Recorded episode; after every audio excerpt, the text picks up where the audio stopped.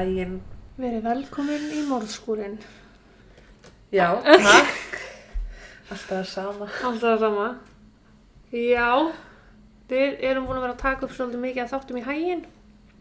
Þannig við erum orðin svolítið stektar af upptökum og erum bara svolítið að vinna með það núna að vinda okkur beint í málinn.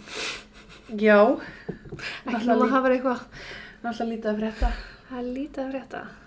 Sérstaklega við erum búin að taka upp Átta þætti. átt að þætti á tveim dögum. Það er búin að lítið að frétta. Já, sko. það er bara ekki mikið hægt að ræða. Um, en ég gleymi hins vegar alltaf að kynna mig. Ég heiti Jóhanna Já, ég heiti Þúrdís. og þar hafið það. Uh, ég ætla að segja það frá Jack Barron. Þetta er ógslægt mál og ég ætla að setja trigger warning á málið.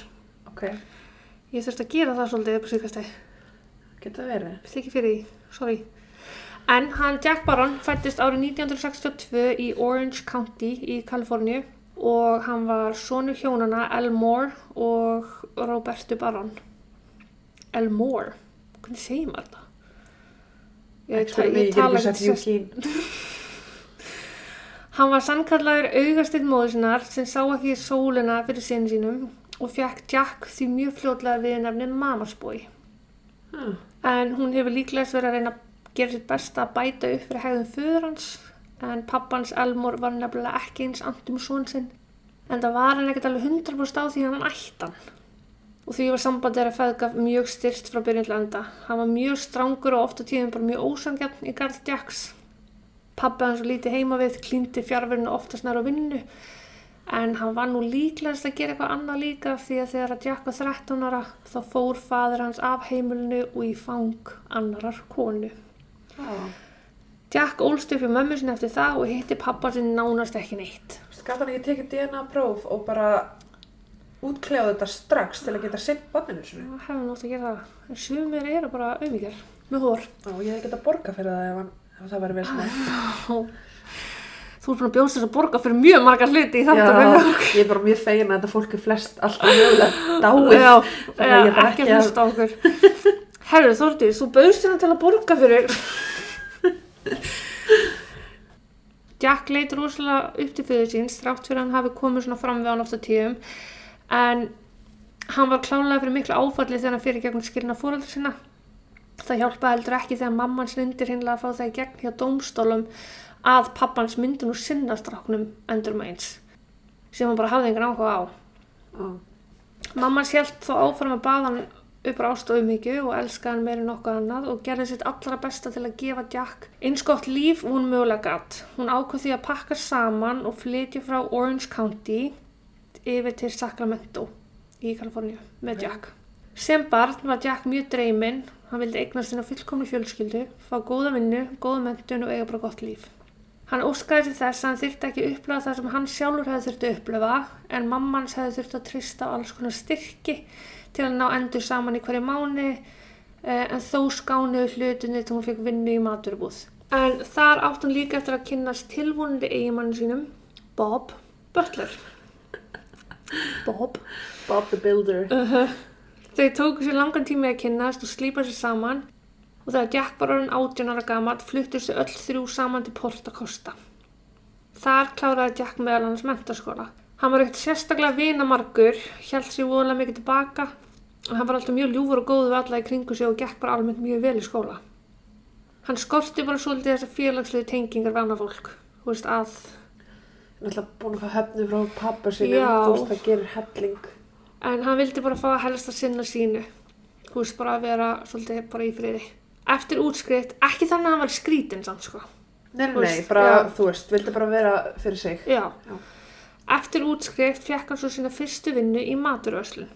En hann var þó alltaf með sömu drauman um að fá betri vinnu sem hann svo fekk en hann fekk vinnu innan lestarkerfisins í Kaliforníu.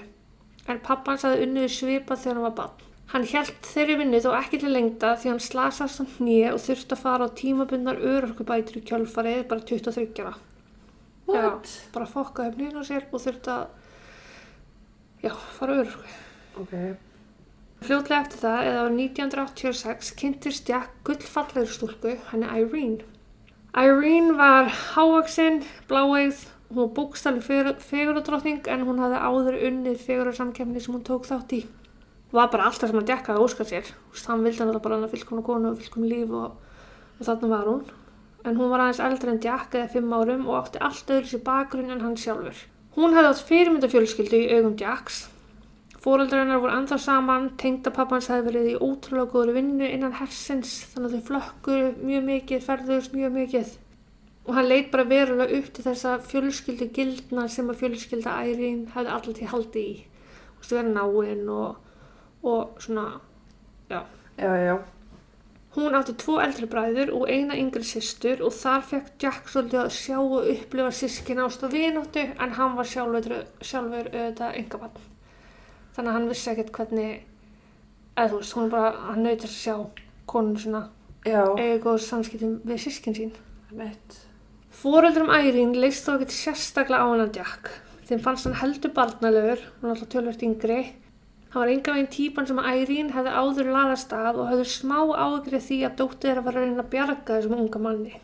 Breytunum til að uppfella hann eigin þarfir en það gæti að því að Ærín var nýlega búin að skilja. Hún hefði verið gift og það hjónaband endað bæði hratt og illa. Að Það var maður sem hún giftist, high school sweetheart. Mm. henni langaði börn og fjölskyldu og allt það en hann stegu bremsuna og var bara, ah, það er ekki fyrir mig. Þannig að þeir bara slítið samvistum en fóreldrar hennar voru bara vörum stelpunni sína og vildi alltaf besta fyrir hana. Þau ákveðu bara að svo lengi sem Ærín var hamingsum væri þau sátt. Já. en allan að þau voru bara yfir ástfangin hún ótrúlega hamingsum að kynast þessum ljúa góða manni sem að Jack var hann var jafn brólur og hún sjálf og henni fannst þau eiga bara mjög vel saman Hún tók líka fullt tillit til áhuga málsans sem voru bara hreinlega lestar. Líklegt eitthvað örlítið tengt pappans. En þau flyti einn saman með vinkuna Ærín mjög fljótlega eftir að þau kynnast. Eða fljótlega, þetta var alveg einhverjum mánuðum.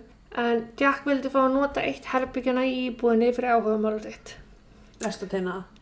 Lesta teinar, lesta mótel, leikfangar lestarsöfnin hans, haugur af bókum og blöðum, allt tengt lestum. Ok, fagna áhuga málunu. Irene var eins og Jack mjög drauminn. Hún átti draum um að, vera, um að verða hreinlega hinn fullkomna eiginkona og móðir og átti þeir draumar eftir að rætast með Jack en þau gifti sig í júli árið 1988 fljótlega eftir að Irene hefði komast til því að hún var ófrísk af þeirra fyrsta barni og fættist þeim sonur Jeremy í janúar 1989. Fljótlega eftir að Jeremy fæðist festaði kaupa húsi með aðstóð mömmu Jacks. Jack hafði snúið aftur til matvöruverslun matvöruverslunar innar að vinna eftir að hafa slasað sig um hnýja og til að létta undir fjárhugslega ákvað Ærín að opna dagfóröldarsjónustu, svona daycare, Já. heima hjá þeim á daginn. Það var svona frekar erfitt hjá þeim fjárhugslega og því kom Ærín svolítið óvart að Jack var alltaf jafn duglegur að kaupa eitthvað tengt þessu lestar áhugamáli en lét það svo sem ekkert bögga sig mikið en alltaf reyna að vera hinn fullkomna stuðningsríka eiginkona. Þau eignuðu svo dóttir svona Ashley rúma ári eftir að Jeremy fættist eða í mars 1990. Á þeim tíma var hegðun Jack svona breyta svolítið. Hann var orðið svolítið stjórnsamur, paranójar og svona hastur, svolítið bara harður einhvern veginn við þau. Já. Hann kunni hryllilega illa við að börnum var að út að leika sér af því þá eru þau svo skítug og hann hefði sjálfur nýlega tekið upp á því að baða sér ofta á dag og passa upp og hann var alltaf tandur hreinn. Og hann lit alls konar hluti fyrir töðunum sér sem hefði aldrei böggað hann áður. Þú veist, hann lappaði eftir Ærín sem hún var að riksuga til að taka teppa fyrir henni burtu. Nei. Þú veist, Riksson þetta fyrir teppinu og hann var að sparka því um burtu því hann gæti ekki horta. Kom bara eitthvað svona OCD tendencies í hann. Var ekki bara að fara að ræða lesturinn sinum? um mitt. Þá vildi hann aldrei leifa neinum að opna glugga, passaði alltaf að allar hurðar varu ramlæstar hvort það var dagur eða nótt og var bara með svona svolítið, bara já, fullkomnar áráttu einhvers konar. Já. Hann gekk líka alltaf með blauta tusku í sippblokk póka til þess að geta þurrka bönnunum í framann. Nei. Jú, mér fannst það svona, ég sem fóldri myndi ekki Þú veist, var hann þá ekki bara að baða fjölskyldan á spritti? Já. En nágrannar og vinir dáði samt að þeim fjölskyldu fyrir sem hann var. Hann elskaði og dáði fjölskyldinu sína út af við að minnstakosti. Sumum nátengdum honum fannst hann vera einhvað að breytast og hegðunum hans væri bara á barmi þess að vera ofbeldsfull. Hann vildi alltaf eiga fullkomlustu fjölskylduna og var fann að ráðska svolítið með ærín og bann henni hitt á þetta. Hann sett á hann að grílaða pressu að heimili var alltaf tipp-topp sem var frekar erfitt með tvö ung börn. Ég bara, já. Já.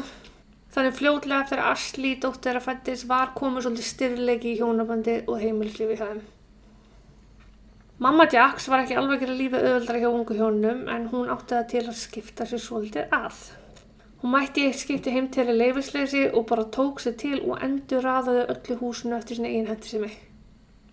Ærín gerði Jack það alveg ljóst að þetta er ekki liðið og væri bara ekki bóði og þurfti tengda mammanar að sætta sig við það og nú var önnu kona í lífi Jacks og hún sé ekki lengur í fyrsta sæti. Ógæðislega perrandi. Ég er þið berjálið. Voru 1992 var Ærín svo fann að gruna að Jack var eitthvað fann að potið þar konur. Eitthvað fann að leita út á hennu mið og ætti jafnvel í framhjáldi. Einhverju með vinnunni held hún.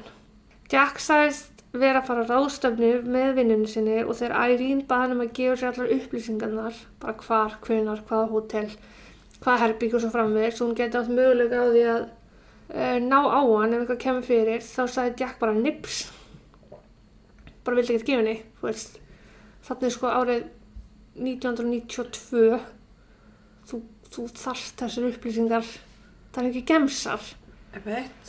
Og líka tvö börn. Og já.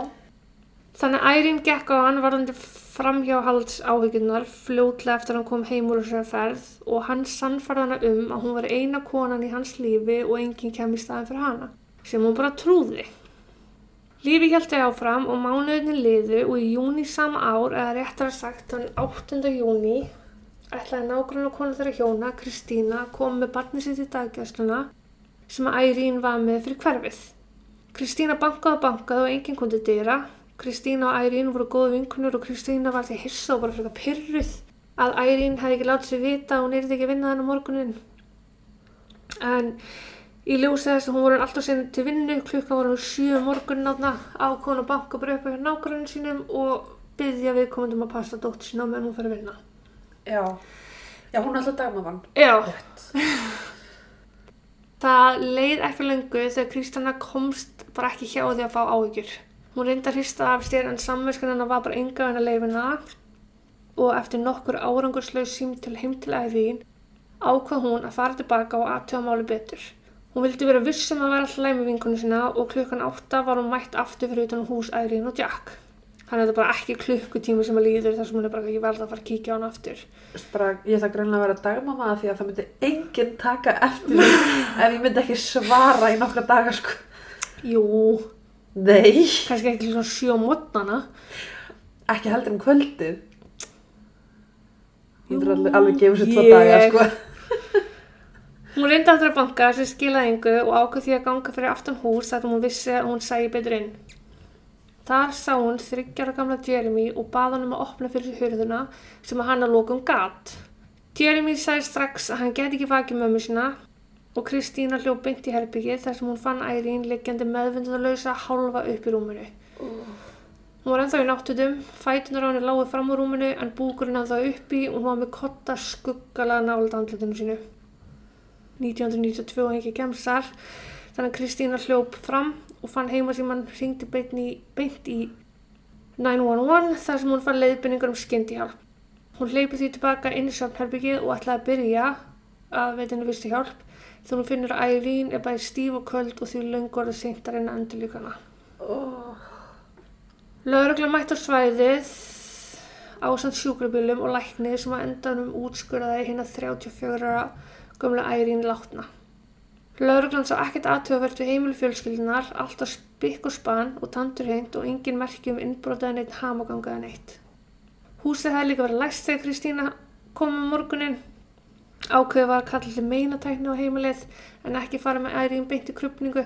Lauruglan þótti ástæði til að fá smá aðstofn að skilja vettvangin og aðkomuna. Og hvað er maðurinn er? Hann, já, það kemur fram en hann vann sér snætu eftir. Þannig að hann var í vinnunni er svo nátt. Meinatæknandi tók eftir að á öðrum kottunum var smáis blóð og kottunum sem fannst nær andlitaðirín voru make-up smudges. Bara svona klessur, eða skilju. Já. Svona smit frá andlitsfarða, maskara og öðru eins.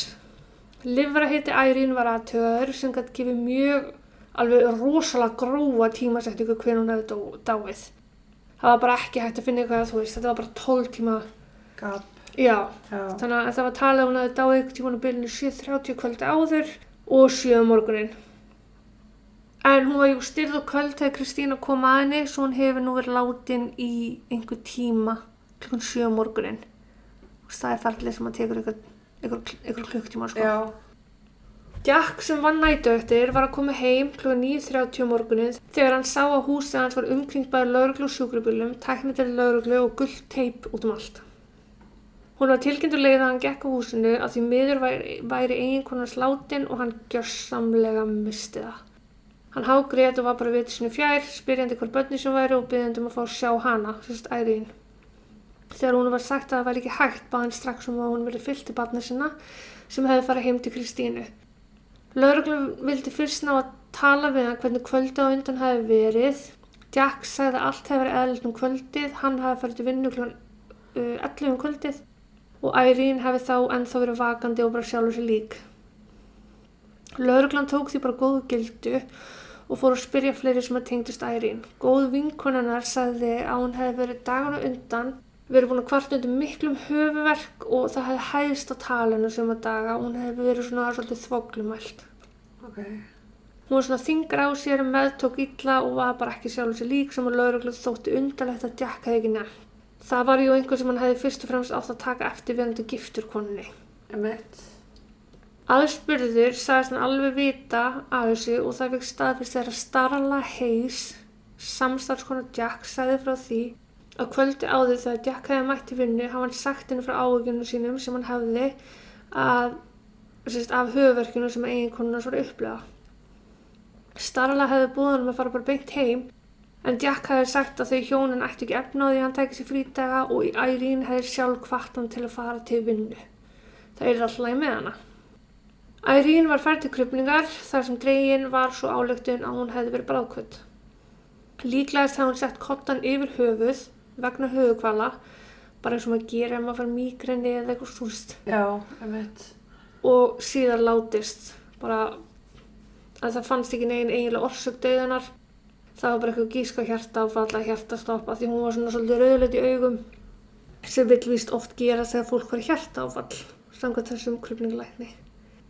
Þú ert að trykka mér svo mikið, sko. Lífi hjælt svo áfram. Ærín var jörðið, Jack var gersalega í mólum, nýbúin að missa stóra ástunni sína og nágrannar hans pössuði því vel upp að hann komum eldaði máltíð, máltíðir til hans og stuttu bara ótrúlega vel upp að gjörnum gegnum þessu erfiði tíma. Eins fekk hann fjárhagsstyrki viðsveru samfélaginu, annar bróður Ærín, John, sendi hann um tjekka, tjekk, Já. mánægilega upp á 100 dólara til að létta hann lífið og samúðin og utanumhaldi bara til fyrirmyndar. Það er eitthvað böggum með vita mál. Ég held að það sé Jackson. Ef hún, já. Hann var samt ekkert svo illa á sig komin fjárhagslega, það af því komst John, bróður Ærín, þegar hann gerði skattaskísluna fyrir hann. Jack hafi fengið dánabætur upp á 15.000 dólara, líka er svona eins konar umönnunabætur, get ég ímynda mér, í ljósi þess að hann var orðin einstæður. Já. Og svo voru launin hans ekkert slúr heldur þó hann var að vinna í maturverslun. Uh, svo hann hafði það kannski tölur betur en margur taldi hann gera. John ákvað því að hann þyrfti ekki lengur að senda tjakkan til hans mánaðarlega og var svolítið brugðið þegar Jack ringdi hann spyrjandi af hverju hann var hættur að styrkja hann. John vildi ekki sverta nafn másins með því að tala eitthvað um þetta ofinbörlega svo hann held þessu bara fyrir sig og sendi áfram tjakkan úr þessu 100 dólar á mánuði. Jack lét hún eins og nætti ekki mikið pening og kom öllum að óverum þegar hann ákvaðans mánuð eftir að hafa gerðað eiginkonu sinna að leifa Starla, samstarfskonunni sem ég nefndi á þann, að flytja henni heimili hans og barnana. Hann sagði frá því að Starla ætti hjónabandserfileikum og fjárhagserfileikum og svona getur aðstofa hvort annað. Hann hjálpa Starla með húsnæði og Starla hjálpa honum með að borga smá leigu. Hann var mjög skýr að þau voru einungis vinir. Starla ætti tvö bætt sjálf og vildi hann bara vera góði vinnur. Hmm. Það leið þó ekkert sérstaklega langt þar til þau voru farin að lúla saman. Á geta verið. Og með því fylgdi jú smá drama. Starla sagði Jack vera leiðilega við börnum sín en eins fannst henn hann vera mjög vondur í sín eigin börn. Jeremy hafði tekið fráfalli mömmu sinnar mjög illa, enda bara þryggjara og grét oft og mikið á söknuði og viðbröð pappans voru einfallega þegiðu eða ég sendi þið þangað sem að mamma einn er. Uh, Starla ákvað því að flytja út, hún vildi ekkert með þetta ástand hafa. Umlegt. ég veist, kottið barninu til bjargar. Uh -huh. Gott að vera vitur eftir á. Já. Jack ákvað því að ráðin stelpu heim til sín til að passa krakkana þegar hann var í vinninni. Að reyna að finna einhvað jafnvægi í að vera innstæður og vinnandi nættuaktir. Sú stelpa, Jennifer Walker, létti mjög svo undir og voru aðstæður orðnar frekar eðlilegar þegar næsta áfall dundi yfir. Maður gíska. Þann 7. februar 1993 mætti Jennifer heim til þeirra og bankaði hörna en enginn kom til dyra. Hún fór því aftur heim til sín bara til þess að ringja heim til Jacks því jú, enginn gemsar. Já. Og þegar Jack svaraði sagði sem hafi verið styrturugla þegar hún bankaði þannig að hann baði hana bara um að drífa sig aftur yfir svo hann geti lagt sig fyrir nætuvættina. Sem hún bara gerir. Hún tjekkaði inn í herbyggjabarnana þegar hún kom í vinna eða heim til þeirra. Bæði stein svoðandi og allt er góðu. Jack var að leggja sig og hún fór því sjálf að laði sig. Tveimur tímur síðar vaknaði hún og ákvaði að kíkja á börnin aftur. Fyrst inn til þryggjara komlega Ashley sem var steinsóðandi og svo til Jeremy fjörara. Henni þótti frekar óvennilegt að Jeremy lægi í sumu stöðu og, hef- og hún hefði skilið við hann tveim tímum áður og fór því að honum.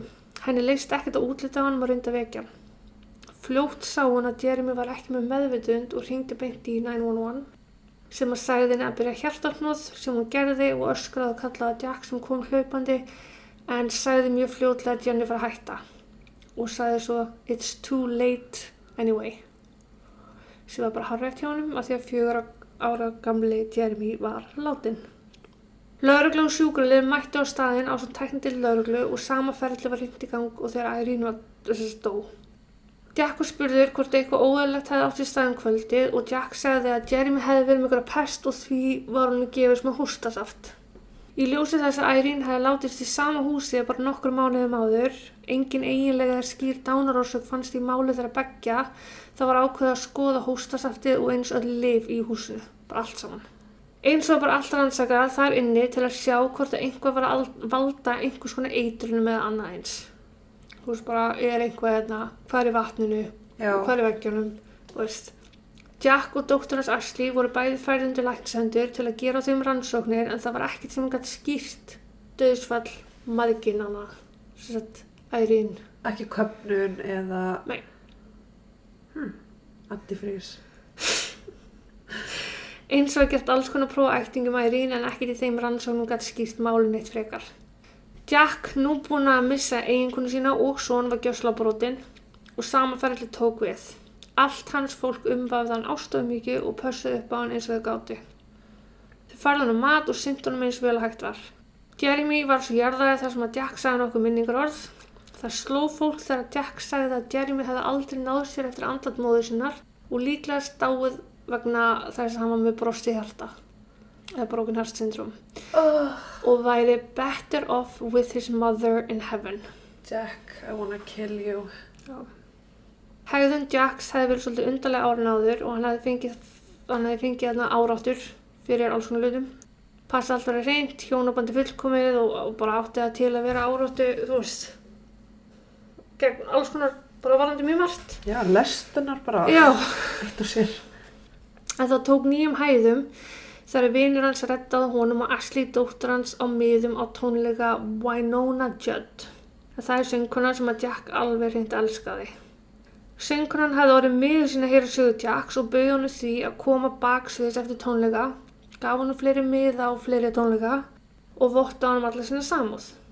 En Jack, blessaður, hann mislasa þetta eitthvað og tók sér til og skipt út öllum myndum af Irene fyrir myndir af. Hva? Hún var bara gift sko og átt sína fjölskyldi. Ah, stundum vorkinni eins og tónlistafólki. sem Já. að- Oh, Hann gekk svo langt að segja fólki að hann og söngkunan fræga væri að deyta. Hvernig Jack var að haga sér var að fara að vekja grunnsendir hjá fjölskyld og vinum Irene en enginn saði neitt upp átt. Þeim fannst hann einhvern veginn að vera uppteknir af því að baða sig í aðteglinu sem hann fekk vegna andlats eiginkonu sonar en ekki syrgja kannski eins og þeim fannst hann eiga að syrgja. Já. Jack skiptir alltaf út myndunum af ærin, hann seldi allt dótið hennar, allt barnadótið hennar Jeremys, en var þó alltaf að passa sem er upp á Ashley dóttir sín, veist, væri bara í fullkomna höndum, alltaf, sem að gaf þeim svona ákvæmna hughristjöku þannig að þau voru alltaf að hrinda þessum hugsunum í burtu. Já. Það sem þau vissi þó ekki var að þegar Ashley og pappinar hefði farið í þessar læknisrannsóknir, uh, hafði Ashley syngt eitthvað merki um einhvers konar afbreyði á hjartastartumi og læknin hennar hefði margsinnis beðið Jack um að koma með hana aftur til hans.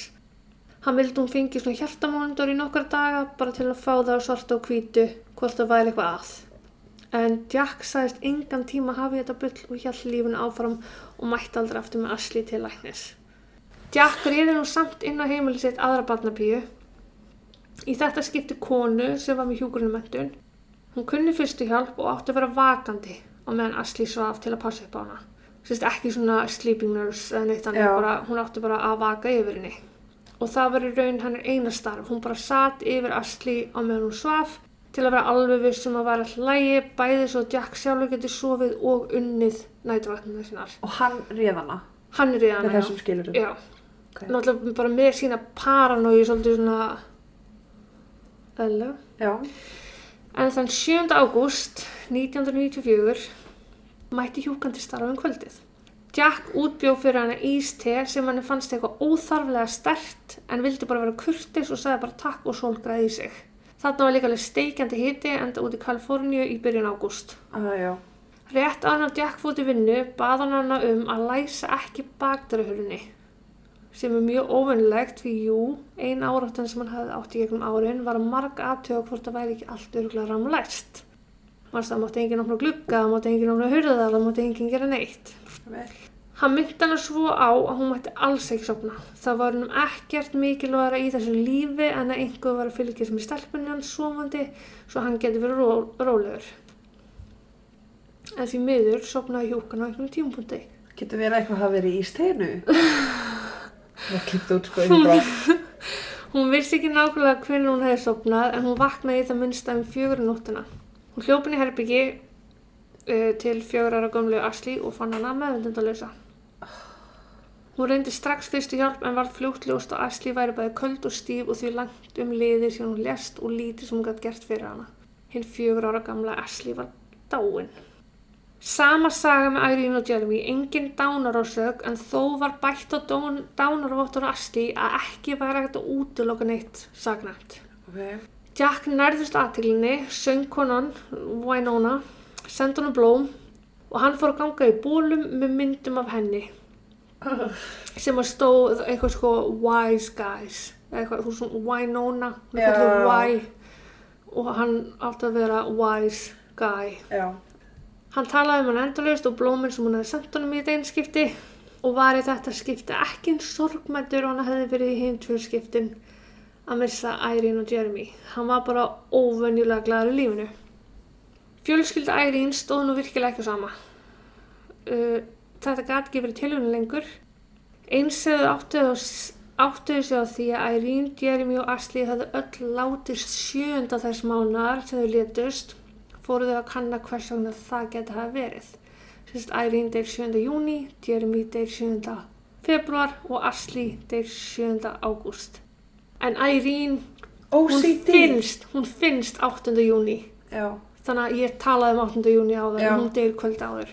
Þau fóru í hart og vildi að Irene, Jeremy og Ashley eru grafin upp og skoðað yrði þau betur. Laurugla var sammála þessu og fóru í það undirbáða mál gegn Jack. Rannsóknin hjá lauruglu gekk hægt að þurfti að fara virkilega vel að þessu. Svo var hægt að sanna að Jack hefði í raun haft eitthvað að gera með döðsvöld fjölskyldunum sinnar. Hann vildi auðvitað ekkert gefa leifi fyrir því að líkin eru grafin upp og skoðu neitt, neitt nánar og ákvað í ljósi þess að aðtiljóða var farin að beina staðanum að selja húsið sitt og flytja inn til mömmu sinnar. Og svo sambúð gekk allt annað en vel. Móður hans var alveg á því að sonu sinn var engin morðingi og hafði útilokað alla þá sem að nefndu það. Bara vildi ekkert með fólk hafa Sem að actually sagði, já. Já. Þó var Jack alveg ógeðslegur um mömmu sína sem hafi veitt honum alla þó ást og alúð og alltaf verið honum góð. Hann hafi leist hana út þrjá líftringar, selt húsið sitt, vann vinnun sína og átt orðið bara frekar mikið af pening en gaf þó mömmu sína ekki eina krónu og eitti bara og eitti í sitt dýrum að lestar áhugamál. Jésús. Eiginmanni mömmans var svo ofbóðið af hægðum Jacks í garð mömmu sinnar að hann bara hreinlega flúði heimilið. Og eftir nokkra mánuða þessu gaf hún honum nokkra daga til að flytja út. Hann átti að vera fluttur út í síðasta lagi í lók februar 1995. Það var með einhverju viku fyrirvara. Já. Í lók februar ringi svo Jack í 911 og sagðist að hafa komið heim og fundið mömmu sinna látna í herbygginu sinu. Oh, is that so? Sjúkrabílinn kom og lauruglan líka og mamma hans lápaði köld og stíf upp í rúmi og því eins og í hinn tilfellunum orðið fyrir eitthvað langt síðan hún lést. Krupning hennar var þó ekki eins óskýr og hinn að þryggja en krupningalækni þótti skýrt að hún hefði látið svona köpnunar. Eins og klálega merkjum átökuna heimilinu og mammas með varnarsár og því leitt Jack ekki eins sakleisislega út á hann að gert aður. Lauruglan var nú með fjögur döðsveld á 26 mánuðum og þurfti að vinna hratt og öruglega til að ná að negla Jack. Þann 17. júli, eða fimm mánuðum eftir að mamma Jacks lést, var hann svo handtíkinn fyrir morðið á eiginkonun sinni, tveimu bönnum og móður. Það var alveg á kristaltæru að hann hefði verið inn á heimilinu þegar Irene og Jeremy létust, svo það þótti bara fullsannað. Í tilfelli Ashley var örlítið erfiðar að sanna hann hafi verið heima en þegar hjúkan sem hefði unni fyrir hann sagði frá sterka ísteginu sem hann hefði fengið og eins beðin um að baktarihurinn var opinn vaknaði grunur um hann hefði bara laumast inn á sitt eigi heimili og myrkt dóttir sína bara hoppa á vinnu En af hverju ekki bara haft hurðun að loka og verið með leikir? Nákvæmlega. Já, já. Það þótti sig að fullsanna þegar komi ljós að Jack hefði, hefði þessa nótt horfið úr vinninu í heila fjóra tíma. Uh, Mammans var líka frekar,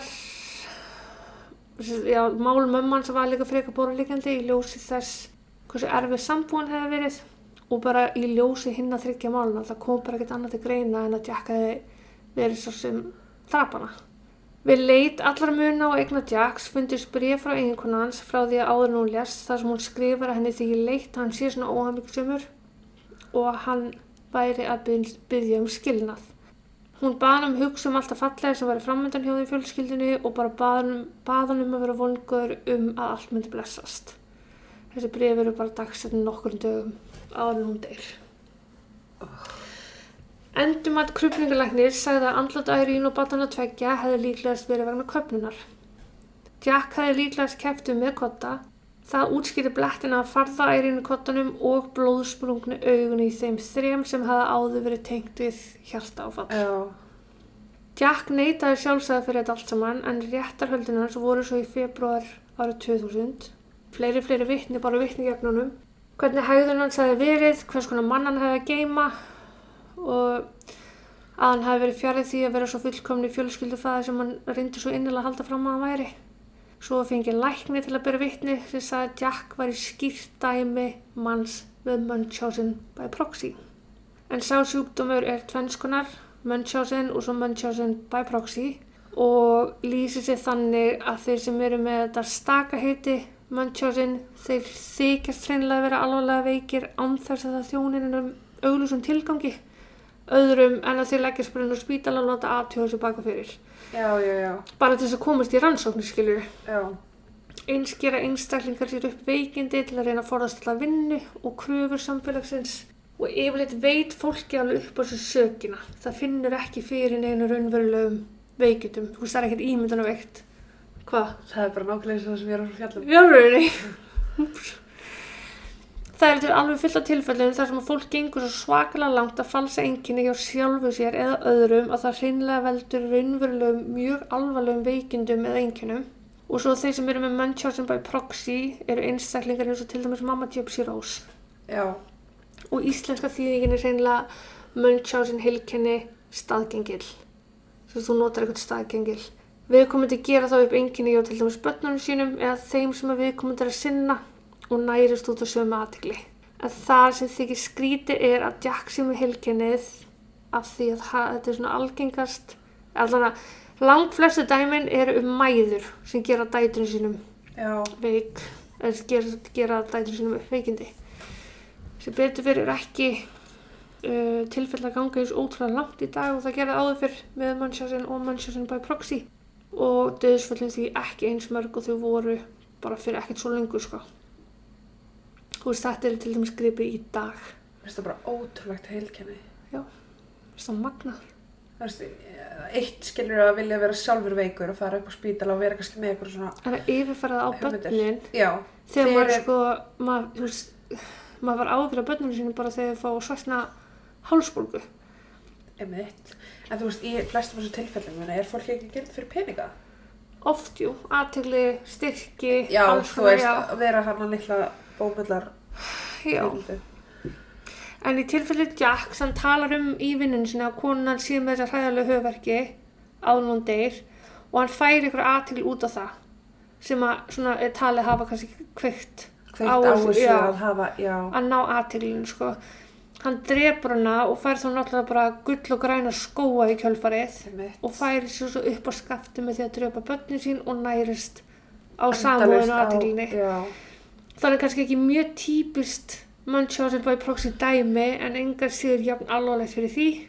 En hann fekk enga vægð svo, þó hann var sagður vera með þetta helginni.